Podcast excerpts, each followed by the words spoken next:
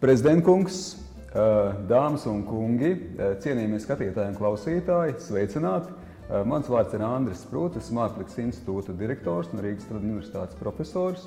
Un kopā ar partneriem, sadarbībā ar partneriem, ir prieks uzsākt ikgadējā Rīgas drošības fóruma podkāstu sēriju divu mēnešu garumā, ik nedēļu, kur mēs runāsim par svarīgiem, aktuāliem drošības jautājumiem. Svarīgiem, aktuāliem gan Latvijas valstī, gan arī mūsu sabiedrībai.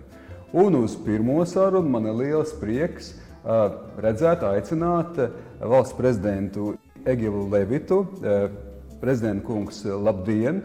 Labdien. Jūs jau mums esat, tā zinām, veidā tradīcija. Mēs katru gadu sākam ar sarunu ar jums, un tiešām prieks un pagodinājums, ka par tādiem aktuāliem, demokrātiju aizskarošiem vai, vai aktuāliem jautājumiem, kas priekš mūsu sabiedrības attīstības, mēs jums varam atklāt šo podkāstu sēriju un varam arī aprunāties un uzlikt tos galvenos akcentus pēc tam, ko arī jau podkāstu sērijas laikā var detaļās iet ar citiem prominentiem ekspertiem un runātājiem. Un man tas pirmais jautājums varbūt būtu arī tāds plašāks. Mēs esam 30 gadus uh, bijuši neatkarīgi, de facto neatkarīgi. Un šajos 30 gados mēs esam būvējuši savu valsti, mēs esam būvējuši savu demokrātiju.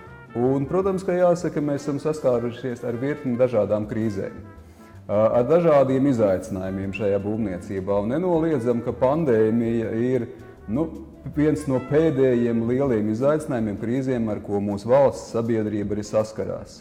Kādas ir tās stundas, mācības stundas, kādas zināmas jau secinājumus mēs varam izdarīt par Latvijas demokrātiju pandēmijas kontekstā? Ko pandēmija mums ir iemācījusi šī gada laikā? Jā, pandēmija ir šīs paudzes Eh, lielākais izaicinājums. Eh, iepriekšējā paudzē neatkarības atgūšana, ko eh, cilvēki piedzīvoja, ko cilvēki izcīnīja. Vēl pirms tam paudzes, otrais pasaules karš. Bet šai paudzei, kas ir jau dzimusi neatkarīgajā Latvijā, šis patiešām ir lielākais izaicinājums, kas, protams, arī atstāja biogrāfisku, biogrāfiskas pēdas katrā cilvēkā, kā es pārdzīvoju šo laiku. Attiecībā uz demokrātiju eh, man jāsaka, ir eh, divas atziņas, eh, ko es varētu teikt, kā pandēmija ietekmē demokrātiju. Pirmā atziņa ir tā, ka demokrātija funkcionē arī pandēmijas laikā.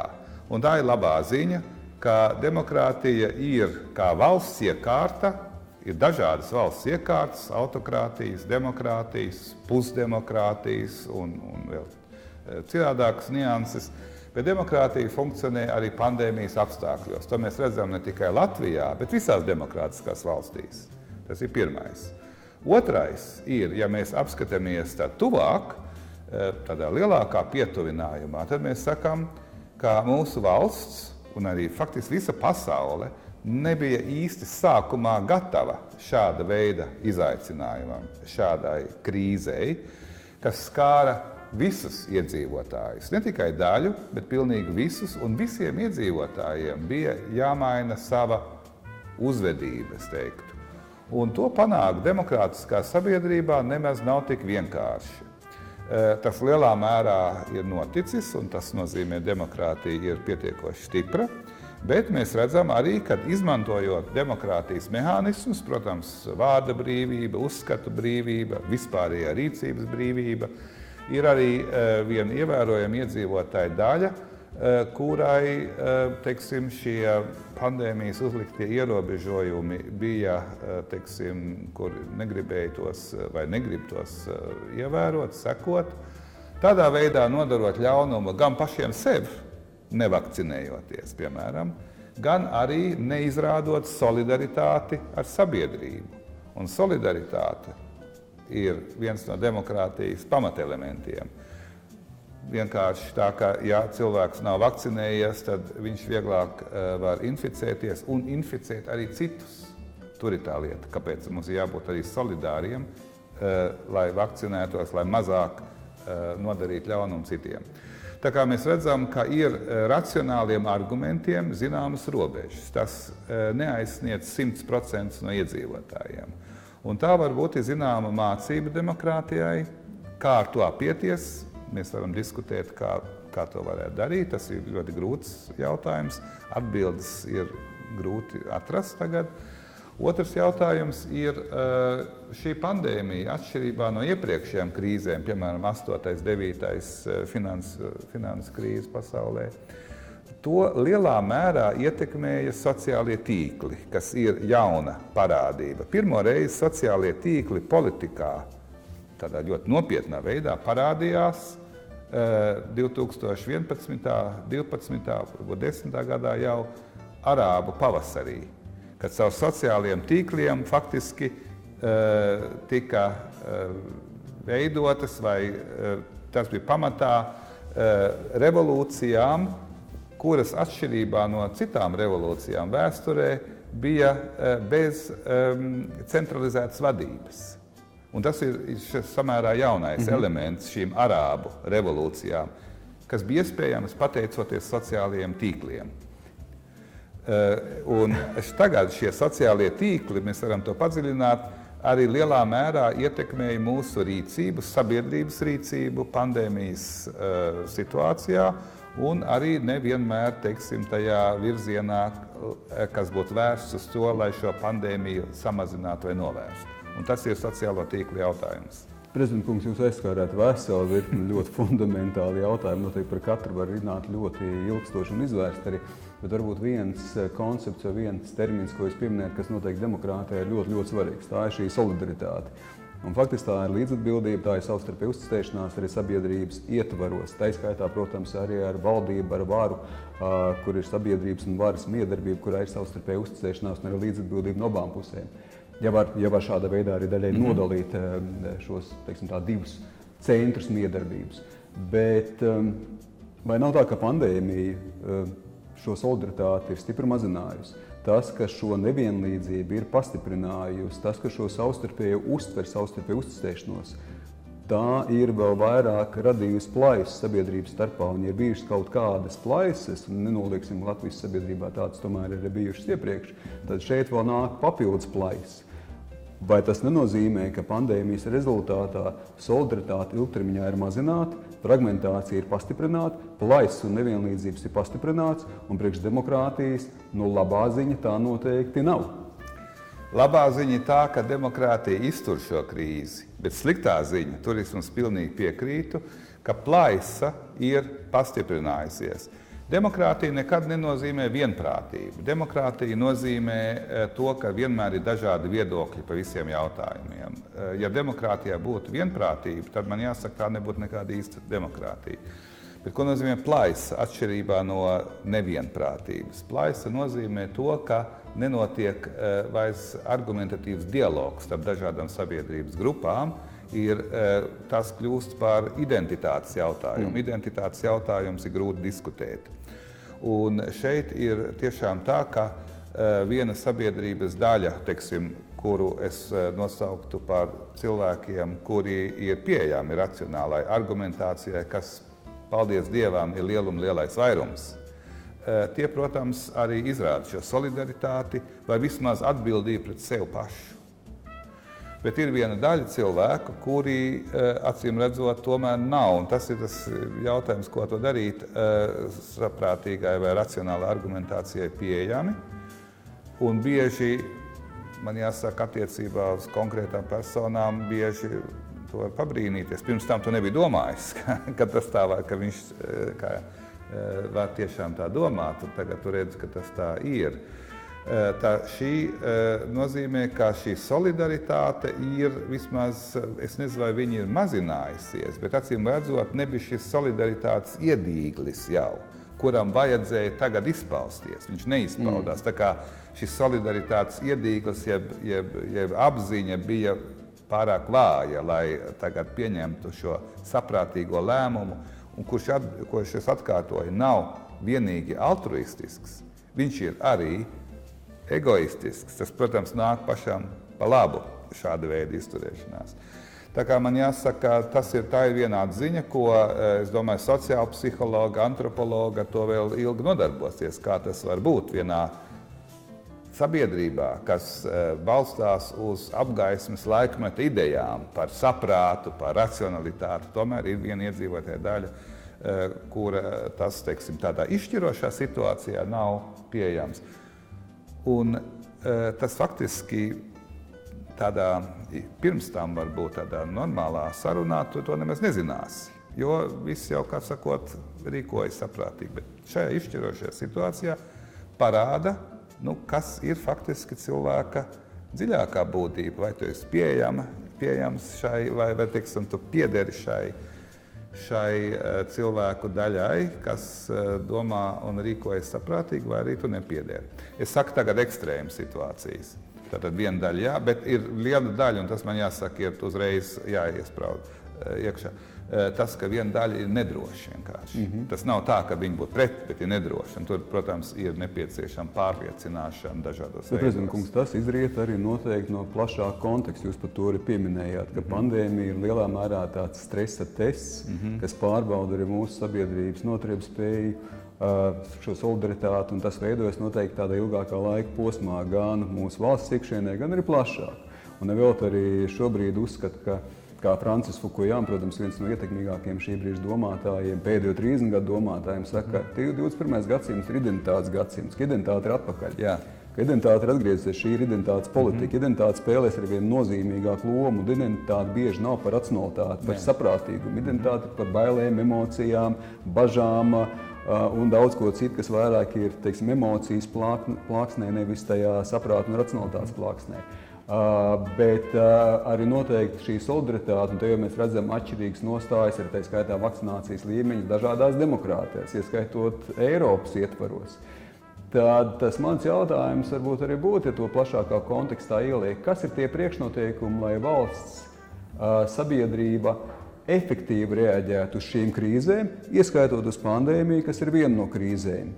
Mhm šī diskusija par demokrātiju, autoritāru iekārtu, šī diskusija par to, ka arī tika uzskaitīts, ka dažkārt tās valsts ir efektīvākas, kas ir gatavas ātrā posmā mobilizēties, kas varbūt pat nedaudz ir paranoisks, un tāpēc viņas ir gatavas mobilizēties krīzes situācijās.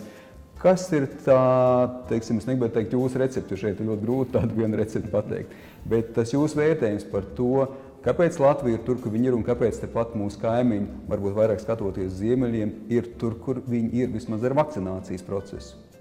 Jā, ja mēs uh, tagad ierobežojam šo jautājumu uz vakcinācijas procesu, ko es uh, redzu arī kā uh, cilvēka um, redzējumu par solidaritāti un par saprātīgu rīcību.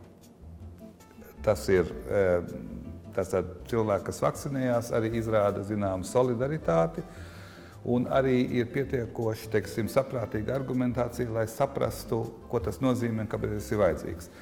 Eh, es teiktu, tā eh, iespējams, ka tur varētu zināmu lomu spēlēt tas, eh, ka demokrātija nozīmē pastāvīga mācīšanās um, saprātīgā, argumentatīvā vidē, arī veicināt sevī solidaritātes izjūtu pret citiem, pret sabiedrību. Solidaritāte ir, tur ir, solidaritāte ir gan racionāla nozīme, bet tā ir arī uh, emocionāls stāvoklis, es teiktu, empātija. Un uh, demokrātijā šī empātija, solidaritāte tiek audzināta, veicināta, nu, faktiski visā, visā mūsu dzīvē. Un tur, kur šī demokrātija ir ilgāka, tur iespējams, ka šī solidaritāte ir eh, sakot, eh, dziļāk iegājusi cilvēku sociālajā psiholoģijā, bez tā, ka viņš par to īpaši būtu reflektējis un domājis. Un tāpēc mēs redzam starpību varbūt starp tām eh, valstīm, kur ir tagad par, par vakcināciju runājot, kur ir dziļāka demokrātija un kur varbūt nav tās demokrātijas saknes tik dziļas. Ir interesanti, ja mēs apskatāmies uz vakcinācijas karti Vācijā. Un jūs zināt, tur var ļoti labi redzēt Austrumvācijas kontūrus. Mhm. Uh, Austrumvācijā demokrātija bija īsāka šai mhm. periodam. Un tur mēs varam redzēt, ka tas uh, Austrumvācija, bijusi Austrumvācija, kas tagad ir pilnīgi citas zemes, tur ir, Bet tu vari redzēt šis, šo karti. Tur ir, protams, daudz bālāks šis, šī krāsa, kas iezīmē, cik procentu cilvēku ir vakcinējušies. Tā kā mēs redzam, pat vienas nācijas ietvaros. Mm. Šī dažādā attīstība vairāku gadu desmitu garumā ir atstājusi zināmas pēdas. Nu, es varbūt to tādā veidā varu, varu skaidrot, kā, kāpēc šī solidaritātes sajūta mums ir varbūt nav tik izteikta. Mums, protams, 30 gadu demokrātija ir veicinājusi šo solidaritāti. Uh, bet nu, autoritārs režīms neveicina īpaši solidaritāti. Parasti ir varbūt īpašas situācijas, kur izpaužās eksistenciālās situācijās, piemēram, atjaunojot Latvijas valsts neatkarību. Tur pēkšņi visi sadevās rokās. Gan, gan tiešā, gan pārnestā nozīmē. Bet tas ir eksistenciāls jautājums, ko visi saprata. Nu, šeit varbūt ir uh, tāda situācija, kur, kur uh, šī solidaritāte vēl nav izpaudusies tā kā, tā kā vajadzētu. Prezidents, tas arī nozīmē to, ka viena no tām mācību stundām ir Jā. tā, ka, lai mēs būtu gatavāki tai nākošajai krīzei, tā solidaritātes veicināšana jau sākās šobrīd, un viņa noteikti turpināsies arī ilgstoši. Tas faktiski ir ikdienas darbs, kā arī šis teiciens. Nāc, piedarība pie nācijas ir ikdienas referendums, nācijas būvniecība ir ikdienas darbs, arī šī solidaritātes būvniecība faktiski ir Jā. jāturpina permanenti. Un tā ir ļoti liela atbildība gan līdzatbildība no sabiedrības, vienlaikus arī no mm -hmm. valsts puses. Mm -hmm. Es domāju, no, no, no, gan no valsts, gan no sabiedrības. Un es šo dalījumu un vienmēr to, kad mēs atkārtojam plaisu starp sabiedrību un valsti, uh, Es domāju, tas varbūt arī tādā, eh, mēs ieejam tādā domāšanā, šeit esam mēs, valsts, un ne, šeit esam mēs, sabiedrība, un tur pāri upei tur ir valsts. Es domāju, ka, eh, ka šis, šis, šī uztvere mm. nu, ir objektīvi nepareiza pirmkārt, bet otrkārt, ja mēs to pastāvīgi atkārtojam, tas ir kā, kas sakot, padziļina šo šo uztveri, kas traucē mūsu valstī būt patiešām efektīvai un mūsu sabiedrībai solidārai. Es teiktu, tā, ka um, tagad, piemēram, bija runa par vakcinācijas kampaņu, ja? un tu biji teiks, kas tā par muļķīgu kampaņu un tam līdzīgi. Un man jautāja, ko es par to domāju, un es teiktu tā, uz mani tas nekādu iespēju neatstāja. Tāpēc, ka ir, es piederu pie tiem uh, cilvēkiem, lielākā daļa sabiedrības, kuri paši saprot, ka tas ir gan manā labā, gan sabiedrības labā. Man šī vakcinācijas kampaņa nav vajadzīga. Bet, protams, ir grūti iedomāties, eh, kā tā iedarbojās uz tiem, kas, eh, nu, kuriem varbūt šī solidaritātes sajūta un šī sajūta eh, pašiem, ka pašiem sevi jāaizsargā, nav tik spēcīga. Es pieņemu, ka katrā ziņā tā nekaitēja. Nav tā, bet nu, es ceru, ka tā arī deva kaut kādu labumu. Mm. Vienlaikus gan jāatzīst, protams, es pilnīgi piekrītu, ka mēs esam valsts, sabiedrība. Jā, jā. Bet tajā pašā laikā šīs valsts un individu miedarbības attiecības specifika vai jautājums Tas jau ir tāds tūkstošgadīgs jautājums. Jā. Par to ir diskutējuši arī sengrieķu filozofi. Es domāju, ka tā miedarbība nu, joprojām ir dienas kārtībā. Jā. Kā tad ir tā pareizā miedarbība starp to valsts, kas varbūt daļai ir ārpus mm -hmm. tā mūsu individu iniciatīvas, un kā -hmm. mēs kā individu uzņemamies līdzatbildību. Un te man ir jautājums uzreiz par. Par balsts, varbūt pieaugušo lomu, vai jūs tam provizoriski piekrist tas, ka šobrīd tiek runāts, ka mēs varbūt aizējām pamazām no neoliberālās pieejas, ka arī šeit, šajā, mm -hmm. šobrīd mēs redzam ne tikai konkrēti pandēmijas kontekstā, bet arī plašāk, bet īpaši pandēmijas kontekstā, to, ka nu, tas neoliberālisms šobrīd tiek aizstāts ar to, ko sauc angļuiski par neostatismu. Par valsts lielāku lomu, jo šie jautājumi, kā risināt pandēmijas, pāri stagnējošu ekonomiku vai kā teiksim, apieties ar šādu stagnējošu ekonomiku, pāri klimata jautājumiem, kas ir lieli fundamentāli infrastruktūriski jautājumi, ka šeit valsts klātbūtne ir ļoti nepieciešama. Valsts zināmā veidā arī pat kontrole. Mm -hmm. Vai jūs saredzat šo tendenci, ka arī Latvijā valsts būs klātesošāka, varbūt pat kaut kur kontrolējošāka pār individu trajektorijām?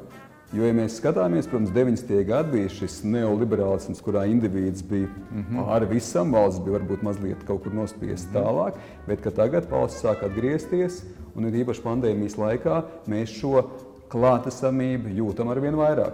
Un tā ir tendence, un tā nav tikai Latvijas tendence. Es jums pilnīgi piekrītu. Eh, tas ir jautājums par valsts un sabiedrības attiecībām. Un vēsturē Eh, tas ir mainījies un pat viļņveidīgi mainījies. 19. gadsimtā bija tā saucamā naktsargu valsts, Respektīvi, sabiedrība dara, ko grib, un tikai policija, tiesas un tam līdzīgi skatās, lai nu nepārkāpj zināmas likumus. Bet viss pārējais ir sabiedrības ziņā. Ko tas nozīmē? Tas nozīmē, ka sabiedrība, sabiedrībā eh, teiksim, lielāku lomu eh, spēlē spēcīgie. Tas nozīmē lielāku nevienlīdzību. Valsts izlīdzina nevienlīdzību.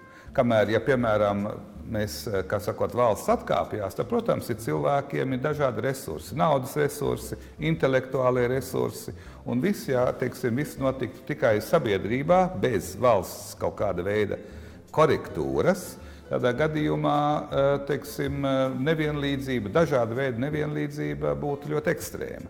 Un tādēļ tas nākamais trends, kā varētu teikt, bija tā saucamā labklājības valsts Labklājības valsts nozīmē, ka valsts tomēr uzņēmās zināmu lomu izlīdzināt šīs eh, nevienlīdzības, nevis pilnīgi, bet nu, vismaz daļēji korrigēt šīs nevienlīdzības, kuras uh, rada, kā jūs pareizi teicāt, liberālisms, jeb 90. gados neoliberālisms. Tas nozīmē, es daru, ko es gribu, es īstenoju sevi nu, lai pārāk neaizskartu citus, bet e, šo īstenojot sevi, pašīstenošanās ir vienmēr atkarīga no cilvēka resursiem. Ja tu esi piedzimis jau vienā ģimenē, varbūt nabadzīgā ģimenē, tev jau no paša sākuma ir sliktākas izredzes nekā, ja tu esi piedzimis varbūt labāk nodrošinātā ģimenē. Arī intelektuālie resursi cilvēkam ir dažādi un, un, un, un tā tālāk. Tā kā, e, un tad labklājības valsts, kur tiešām Eh, Rietumē Eiropā eh, gādāja, vai teiksim, nu, vismaz daļēji gādāja par to, lai nu neviens nebūtu zem minimuma, zem svītras, visādi pabalsti un atbalsti un tam līdzīgi. Savukārt 90. gados atkal valsts loma eh, samazinājās. Tā ir neoliberālisma ideoloģijas rezultātā. Jeffrey's Saks, kā, kā teiksim, tāds vismaz ekonomiskā Eh, laukā neoliberālisma galvenais ideologs, kuram sekoja daudzas eh, jaunās demokrātijas vidus un austrumu Eiropā, mm. ieskaitot Latviju. Eh, man jāsaka, es vienmēr esmu uz to skatījies ļoti, ļoti skeptiski uz neoliberālismu, un arī kopš varbūt 10, 15 gadiem ir teiksim, arī sabiedrība un arī zinātne skatīties daudz kritiskāk. Piemēram, viens no uh, pazīstamākajiem uh, neoliberālismu argumentatīvs kritiķis ir Kolins Kraučs, uh, kurš teiksim, arī kritiski analizē šo neoliberālismu ideoloģiju. Bet galvenais ir tas, ko mēs kā sabiedrība gribam. Ko mēs gribam? Mēs gribam, lai valsts vairāk rūpējas par mums, lai valsts izlīdzina zināmas nevienlīdzības mūsu starpā, vai arī atstājam valsti varbūt tikai lai nodrošina teiksim, pret kriminalitāti, pret likuma pārkāpumiem, teiksim, ekstrēmā situācijā. Un viss pārējais ir mūsu ziņā. Mēs redzam arī, ka ir dažādas uztveres, dažādās uh, kultūrās, arī rietumkultūrās. Piemēram, uh, pirms desmit gadiem, kad Obama gribēja ieviest uh, slimības apdrošināšanu Amerikā, kad katram būtu obligāti jāmaksā zināma summa, bet pēc tam tev būtu arī iespēja saņemt medicīnisko palīdzību. Tas ir solidaritātes jautājums. Un tur bija milzu pretestība. Pretestība kam? Jo es pats gribu rūpēties par savu veselību. Ja es esmu slims, tad es samaksāju. Ja man nav naudas, nu tad tā ir mana vaina, ka es neesmu to nopelnījis teiksim, eh, beigās eh, tur kaut ko tur ieviest, ne tik daudz, cik tur vajadzēja, vai kā Eiropā domā citādāk. Un tāpēc es saku, ka valsts loma palielināsies vienkārši tāpēc, ka mēs vēlamies, mēs prasām no valsts ar vien vairāk un vairāk un vairāk, lai valsts visu izdara, lai valsts visur palīdz, lai mazina nevienlīdzību. Un tas, protams, valstī arī prasa resursus. Valsts jau, kā sakot, nevis no zila gaisa to viss dara. Tev ir vajadzīgi ierēģi, tev vajadzīgi cilvēki, tev vajadzīgi ir nodokļu ienākumi. Un tur, protams, arī zinām pretruna, ka mēs gribam no valsts vairāk, lai viņi izdara, bet mēs negribam viņiem maksāt vairāk nodokļus. Tā, es domāju, tā dabiski cilvēciski. tas ir diezgan dabiski, bet eh, vienkārši jāredz tās kopsakarības. Protams. Uh, Prezidents, dodamies tālāk, jo es domāju, šī demokrātijas un konteksts un tas, kas, ko mēs redzam plašākā, teiksim, globālā līmenī, kas attīstās, tas noteikti ietekmē. Jūs savā ANO uzrunā arī teicāt, ka nākamo desmitgažu laikā izšķirsies, vai demokrātiskā pasaule spēs nodrošināt to, ka lēmums pamatā pieņem cilvēks, nevis mākslīgais intelekts. Ir apdraudēta personīga autonomija, individu brīvā griba. Vai nav paradoks, ka mēs lepojamies ar to, ka faktiski kopā ar valsts sabiedrību indivīds ir uh, nu, attīstījis, pilnveidojis to digitalizācijas līmeni, kas valstī šobrīd mums ir, bet ilgtermiņā var jau teikt, ka digitālā demokrātija, digitālais kapitālisms būs daudz centralizētāk un iespējams pat apdraudēs personīgo autonomiju.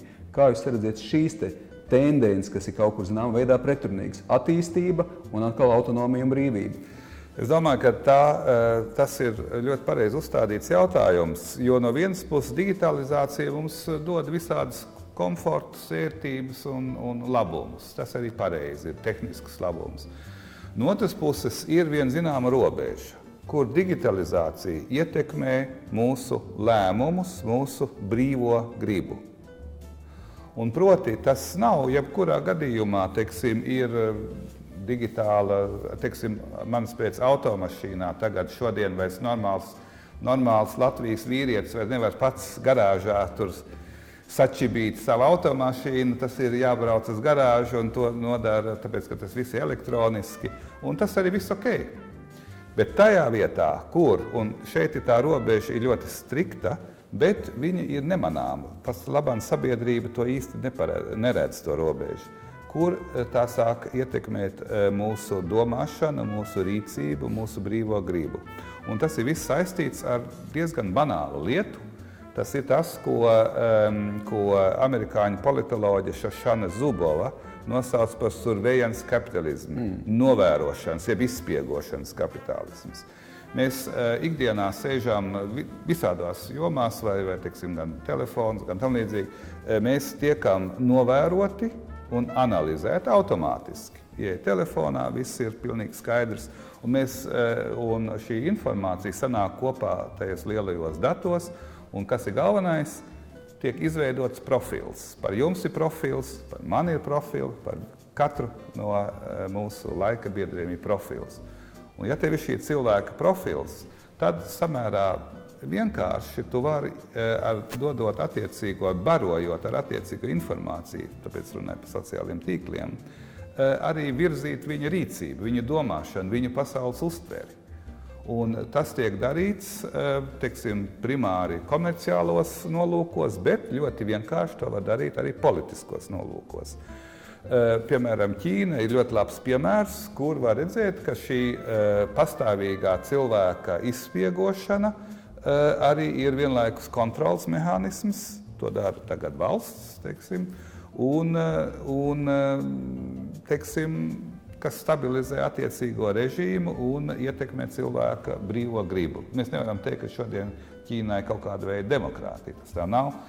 Bet arī demokrātiskās valstīs pastāv šī iespēja Eh, caur, um, caur šo pastāvīgo cilvēku izspiegošanu ietekmēt viņa rīcību. Un, ja mēs nododam šo eh, rīcības modeli, ko no mums grib panākt tagad algoritmiem, tehnoloģijai, tad gadījumā mēs kā, kā, eh, kā, sakot, kā cilvēki atdodam savu, savu rīcības brīvību, savu brīvo gribu Un brīvā grība ir, eh, nu, vai tā psiholoģiski ir vai nav, tas, protams, ir viens jautājums. Ir determinisms, kas uzskata, ka mēs jau esam iepriekš viss ir nolēmts. Otrs saka, ka ir brīvā griba, bet mēs demokrātijā izējām, ka ir brīvā griba no tā. Un tas nozīmē, ka šeit var tikt eh, cilvēks manipulēts. Mēs redzam arī, vai, ka tas notiek aktīvi manipulēts, hibrīd mm. karš, ka to var darīt. Un eh, mums ir jābūt ļoti uzmanīgiem ar to. Tā kā es teiktu, ka ja mēs neuzmanīsimies un atdosim, piemēram, eh, lēmumu pieņemšanu, piemēram, valsts pārvaldes lēmumu, politikas lēmumu, arī militāro lēmumu pieņemšanu mašīnām, tādā gadījumā mēs zaudēsim savu vietu pasaulē, ko līdz šim mēs esam uzskatījuši, ka mēs esam pasaules augstākais sasniegums. Tas ir varbūt kristīgās teoloģijas eh, teiksim, tāds, tāds priekšstats. un tad mēs būsim vairs tikai otrie. Nu, svarīgi, es domāju, ka šeit gan arī būtu paradoxāli, bet kontrolēt tos, kas kontrolē mašīnas, nezaudēt šo elementu. Tad to demokrātijā Tas būtu viens no tomēr, šiem demokrātijas no tādiem pamatu uzstādījumiem un uzdevumiem. Paradoks... Tas vēl ir iespējams, bet no viena zināmā brīža, point of no return, tas vairs nebūs iespējams. Un, un tas ir tas mākslīgā intelekta jautājums. Būtu pēc, apmēram tie mākslīgi intelekta pētnieki saka, varbūt pēc 20, 30 gadiem. Un tādā paradoxālā ironija Jā. noteikti ir tajā ziņā, ka no vienas puses mēs joprojām ļoti kultivējam un iestājamies par savu personisko brīvību, mm -hmm. individu brīvību, tīpaši demokrātijā, bet tajā pašā laikā mēs paliekam vienu dienu bez Facebook. Mm -hmm. un, uh, mums ir zudusi komunikācijas jā, iespēja, un jā. tad mēs paši esam gatavi atgriezties steidzīgi pie šī Facebook. Tā kā es domāju, ka šie ir izaicinājumi jā. arī individuālā līmenī, noteikti arī valsts un valsts klātbūtnes līmenī, un kādā veidā valsts faktiski esot klātsoši vienlaikus nodrošina šo individu brīvību. Es domāju, ka tas tiešām būs viens no lieliem uzdevumiem. Bet, prezidents Kungs, man tomēr, lai mēs ejam vēl uz priekšu, plašāks jautājums, varbūt globālāks jautājums. Uh, uh, Vai pandēmija nav tomēr radījusi papildus izaicinājumus tajā ziņā, ka robežu nacionālisms, zināms, augošs protekcionisms, zināms, augošs izolacionisms, vai tas nenozīmē to arī, ka mēs esam ar vienu nelabvēlīgā starptautiskā vidē kā maza valsts? ka faktiski kā atsevišķa autoritīva autora runā par džungļu auga atpakaļ. Un ka mēs kā maza valsts, kurā ir konkurence starp valstīm, tāda vairs nav šī solidaritātes izjūta ne tikai demokrātijas ietvaros, bet arī globālā līmenī, ka mums šī vide kļūst ar vien nelabvēlīgāka. Tur man ir diemžēl jāpiekrīt, ka tā vide, kurā mēs dzīvojam, kurā mēs dzīvojam kā indivīdi, kā latvieši, kā Latvijas, Latvijas valstī, kļūst nedraudzīgāka. Teiksim, vējš pieņemās spēkā, vētra pieņemās spēkā. Nav vēl orkāns, bet jau tāds pamatīgs, pamatīgs, teiksim, pamatīgs brāzmas, kurā mēs pat labāk ar savu Latvijas kuģīti kuģojam. Eh, tāpēc, kā teiksim, arī pandēmija to veicināja, ka izrādījās, ka pandēmijas sākumā ne jau sabiedrība, kas sakot, sāka to tik galā vai teiksim, kaut ko darīt. Tā bija valsts, tā bija nacionāla valsts, kura kā sakot, uzreiz reaģēja, un nevis Eiropas Savienība. Eiropas Savienība vēlāk reaģēja, un tas ir, bija ļoti labi. Bet sākumā reaģēja valsts, kādā veidā slēdzot robežas. Un jūs atceraties pagājušā gada martā, ka netika, piemēram, uz Latviju kravas ar e, svarīgiem medikamentiem, tāpēc, ka Vācijas, Polijas, respektīvi Poļi bija slēguši robežu. Mm. Un es vēl telefonēju ar polijas prezidentu, un, lai mēģinātu to dabūt, un beigās arī dabūju. Bet tā ir tā automātiskā reakcija. Un šī reakcija, protams, atstāja iespēju, ka tikai valsts tevi par, var pasargāt. Bet uh, tas ir um, sakot, pirmās pakāpes iespējas. Patiešām valsts var pasargāt, bet ir jautājumi, kur valsts viena pati nevar pasargāt. Tad valsts var pasargāt, bet ne viena pati, bet tikai kopā ar citām valstīm. Un tas ir šis Eiropas Savienības domāšana vai Eiropas domāšana, kā, protams, uh, teiksim tā, ja kāds, ja piemēram ir 20 cilvēki, un eh, ja viens, eh, teiksim, man spēc dara ko sliktu, man spēc krāpjās, bet 19 nekrāpjās, tad viņam ir labums. Bet ja visi 20 krāj, krāpjās, visiem slikti. tad visiem ir slikti un visiem ir sliktāk nekā ja visi izturētos pareizi. Un tā bija šī, kā sakot, tāda spontāna, automātiska reakcija. Es kā pirmais, neskatoties, ko citi, bet beigu beigās, protams, tad visiem ir sliktāk. Un tādēļ šī atziņa, tas ir ļoti svarīgi to arī politiķiem, eh, teiksim, sabiedrībā visu laiku kultivēt šo atziņu. Mūsu valsts ir ļoti svarīga un būtiski svarīga, lai tā būtu uzticama, lai tā būtu efektīva, bet sadarbība ar pārējiem uzticamām un efektīvām valstīm. Ja kāda valsts, kā sakot, iziet ārā no šī loka, tādā gadījumā eh, tas eh, slikti iespaido, eh, tad ir slikts rezultāts visiem. Es domāju, ka beigās, nevis beigās, teiksim, samērā ātri, varbūt pēc kādiem diviem mēnešiem, apmēram, Eiropas Savienība arī attiecīgi noreaģēja. Un šodien, iedomājieties, mums tagad ir pietiekoši daudz vakcīnas, un mēs esam to nopirkuši. Bet, ja mēs būtu vieni paši tagad uh, mēģinājuši pirkt vakcīnas, tad, kad visi grib vakcīnas, mēs nebūtu, kā sakot, un katrs, uh, kā sakot, uh, dot ar vien vairāk, ja, teiksim, vairāk solīšanā. Mēs nekur nedabūtu. Bet mums vienkārši nav tāda resursa. Un tāpēc bija ļoti svarīgi, kad Eiropas Savienības teica, nē, nevis katra valsts atsevišķi tagad runās ar tiem globālajiem farmācijas koncerniem, bet mēs kopā kas reprezentē 450 miljonu cilvēku. Mums ir liela eh, ekonomiska vara, un mēs līdz ar to tajās sarunās panācām to, kas visiem nāk pa labu, arī Latvijai, protams. Tad, neskatoties uz tiem izaicinājumiem, šim mākonim ir arī sava sudraba maliņa. Tā drīkst teikt, vismaz, ka mēs tomēr saprotam, ka šeit ir vairāk racionalitāte sadarboties nekā nesadarboties. Arī individuālā līmenī, ka tas freeraiderisms, ja tā var teikt, -hmm. vai ka tu pats savā gaitā, ka tas beig beigās neatmaksājās. Jo, ja tā dara viss, tad ir slikti. Uh, tas ir pār Eiroatlantisko aliansu vai partnerību gan Eiropā, gan, protams, ar mūsu amerikāņu sabiedrotiem, kas mums ir ļoti svarīgi. Arī ir savu jautājumu, kā pēdējie mēneši to pierāda, bet, protams, ka mēs noteikti uz to paļaujamies, ka šeit tas vēl ir tas drošības garants. Kā, ja mēs runājam par tādiem plašākiem ūdeņiem, jūs tikko bijāt apvienotajās nācijās, 30 gadu kopš mēs esam ANO dalībvalsts. Uz 35. gada dienu mēs centīsimies būt drošības padomus nepastāvīgais loceklis. Mm. Kā tas varētu stiprināt mūsu drošību, vai tam ir kāds pienesums Latvijas drošības veicināšanai, arī būt vai kļūt, mēģināt par šo drošības padomus nepastāvīgo locekli? Absolūti. Tas nozīmē, ka mēs līdzrunājam visaugstākajā līmenī attiecībā uz pasaules eh, drošības jautājumiem. Man jāsaka tā, bieži tiek kritizētas apvienotās nācijas un līdz ar to arī starptautiskās tiesības, eh, ka tās nav pietiekoši efektīvas. Lūk, eh, tiek, tiek pieņemts rezolūcijas, tā vai tā konflikti notiek pasaulē, un tas nav, nav pietiekoši efektīvi. Taču man jāsaka, ka šāda veida argumentācija ir līdzīga argumentācija par to, vai mums ir vajadzīgs krimināla likums. Jo, redz, tā vai tā jau cilvēki pārkāp likumu, un ir gan zādzības, gan laupīšanas. Tad jau vispār likvidēsim kriminālu likumu, un tiesas un policiju, jo tā vai tā jau tas notiek.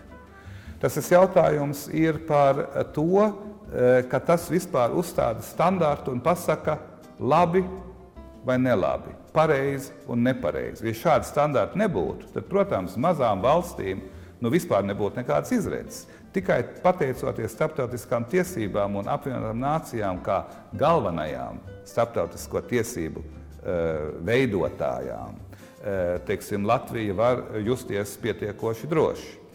Eh, un, protams, tā kā mūs, mēs būsim eh, līdzdarbosimies eh, drošības padomē uz, die, uz diviem gadiem, es ļoti ceru, ka tas tā notiks, ka Latvijas sabiedrība arī akceptēs to, ka mums ir jāiegulda zināmi resursi, lai to panāktu. Tas nozīmē Latvijas atpazīstamību um, drošības padomē, respektīvi pasaulē atpazīstamību. Tas, protams, uzlabo mūsu drošību. Uh, Igaunija pat labāk ir uh, drošības padomas locekle. Igaunijas eh, līdzdalība tiek vērtēta ļoti augsti, ļoti efektīvi. Eh, pavisam nesen eh, tiekoties ar Vācijas prezidentu, mēs runājam par tieši par, par, par drošības padomi, arī viņš ļoti augstu vērtēja tieši Igaunijas kā mazas valsts saturisko pienesumu drošības padomas darbam. Nu, man jāsaka, ka tas, ir, ka tas ir Latvijas interesēs būt atpazīstamiem pasaulē. Pieņemsim, ja kāds eh, aizbrauc manis pēc uz eh, Lagosu un uz ielas pajautā, teiksim, kur ir Latvija, es pieņemu, ka 90 no 100 cilvēkiem teikt, nu es īsti nezinu. Ne? Eh, un, lai tu tiktu ņemts vērā, tev ir vismaz jāpazīst, jāzina, ka tu tāds esi. Un ir, protams, ļoti provinciāli iedomāties, ka visa pasaule tagad zina, eh, kas ir Latvija un eh, kur atrodas valka un kādas ir reizeknas eh, problēmas manspēc ar, ar apkurināšanu. Tas, protams, pasaulē ir maz interesē. Bet tāpēc mums ir vienmēr jābūt klāt. Un mazai valstī ir jābūt klāt daudz intensīvāk nekā lielai valstī. Un jābūt klāt ar augstāku, teiksim, kvalificētu personālu nekā lielai valstī. Tā kā man jāsaka, ka tas ir Latvijai ļoti laba, laba teiksim, tāds, tāda iespēja nostiprināt savu drošību arī globālā līmenī. NATO līmenī mums ir, Eiropas Savienības līmenī mums ir, bet globālā līmenī tas būtu ārkārtīgi laba iespēja, ko nedrīkst laist garām. Prezidents kungs, mēs ar jums izgājām tikai daļai, bet nu, ļoti svarīgai daļai tiem fundamentāli jautājumiem, ar ko Latvijas valsts, Latvijas sabiedrība saskarās gan iekšēji, veicinot demokrātiju, gan arī ārēji. Un tā kā jūs arī teicāt, ka mazai valstī gan iekšējā solidaritāte ir ļoti svarīga, bet vienlaikus arī, protams, mums jāveicina šī ārējā solidaritāte, jo mēs nevaram pilnībā saka, paļauties tikai uz savu pašpietiekamību. Mums šī miedarbība ar citām valstīm, ar mūsu partneriem ir noteikti ļoti, ļoti svarīga. Tā kā paldies, mēs noteikti saskaramies procesā ar izaicinājumiem, tos arī jūs ieskicējāt, un tie ir tādi ilgtermiņa jautājumi, man šķiet, kas arī ir jāakcentē, jāaktualizē, par tiem ir jārunā. Tā nav tikai šodien, un es domāju, ka mēs iezīmējam, ieskicējam arī tās attīstības tendences, tos attīstības izaicinājumus un tos potenciālos darbus, ko mēs varam veikt, bet noteikti šī saruna ir jāturpina. Prezident kungs, paldies jums vēlreiz par atklāšanu mūsu podkāstu sērijai cerams atkal uz līdzdalību un intelektuālu domu apmaiņu nākošā gadā un veiksim darbos un veiksmi šīs solidaritātes veicināšanā gan Latvijas iekšienē, gan uz āru. Paldies jums! Jā, liels paldies! Vienkārši var teikt, mēs dzīvojam interesantos laikos. Eh, paldies un visu labu! Paldies, prezidents!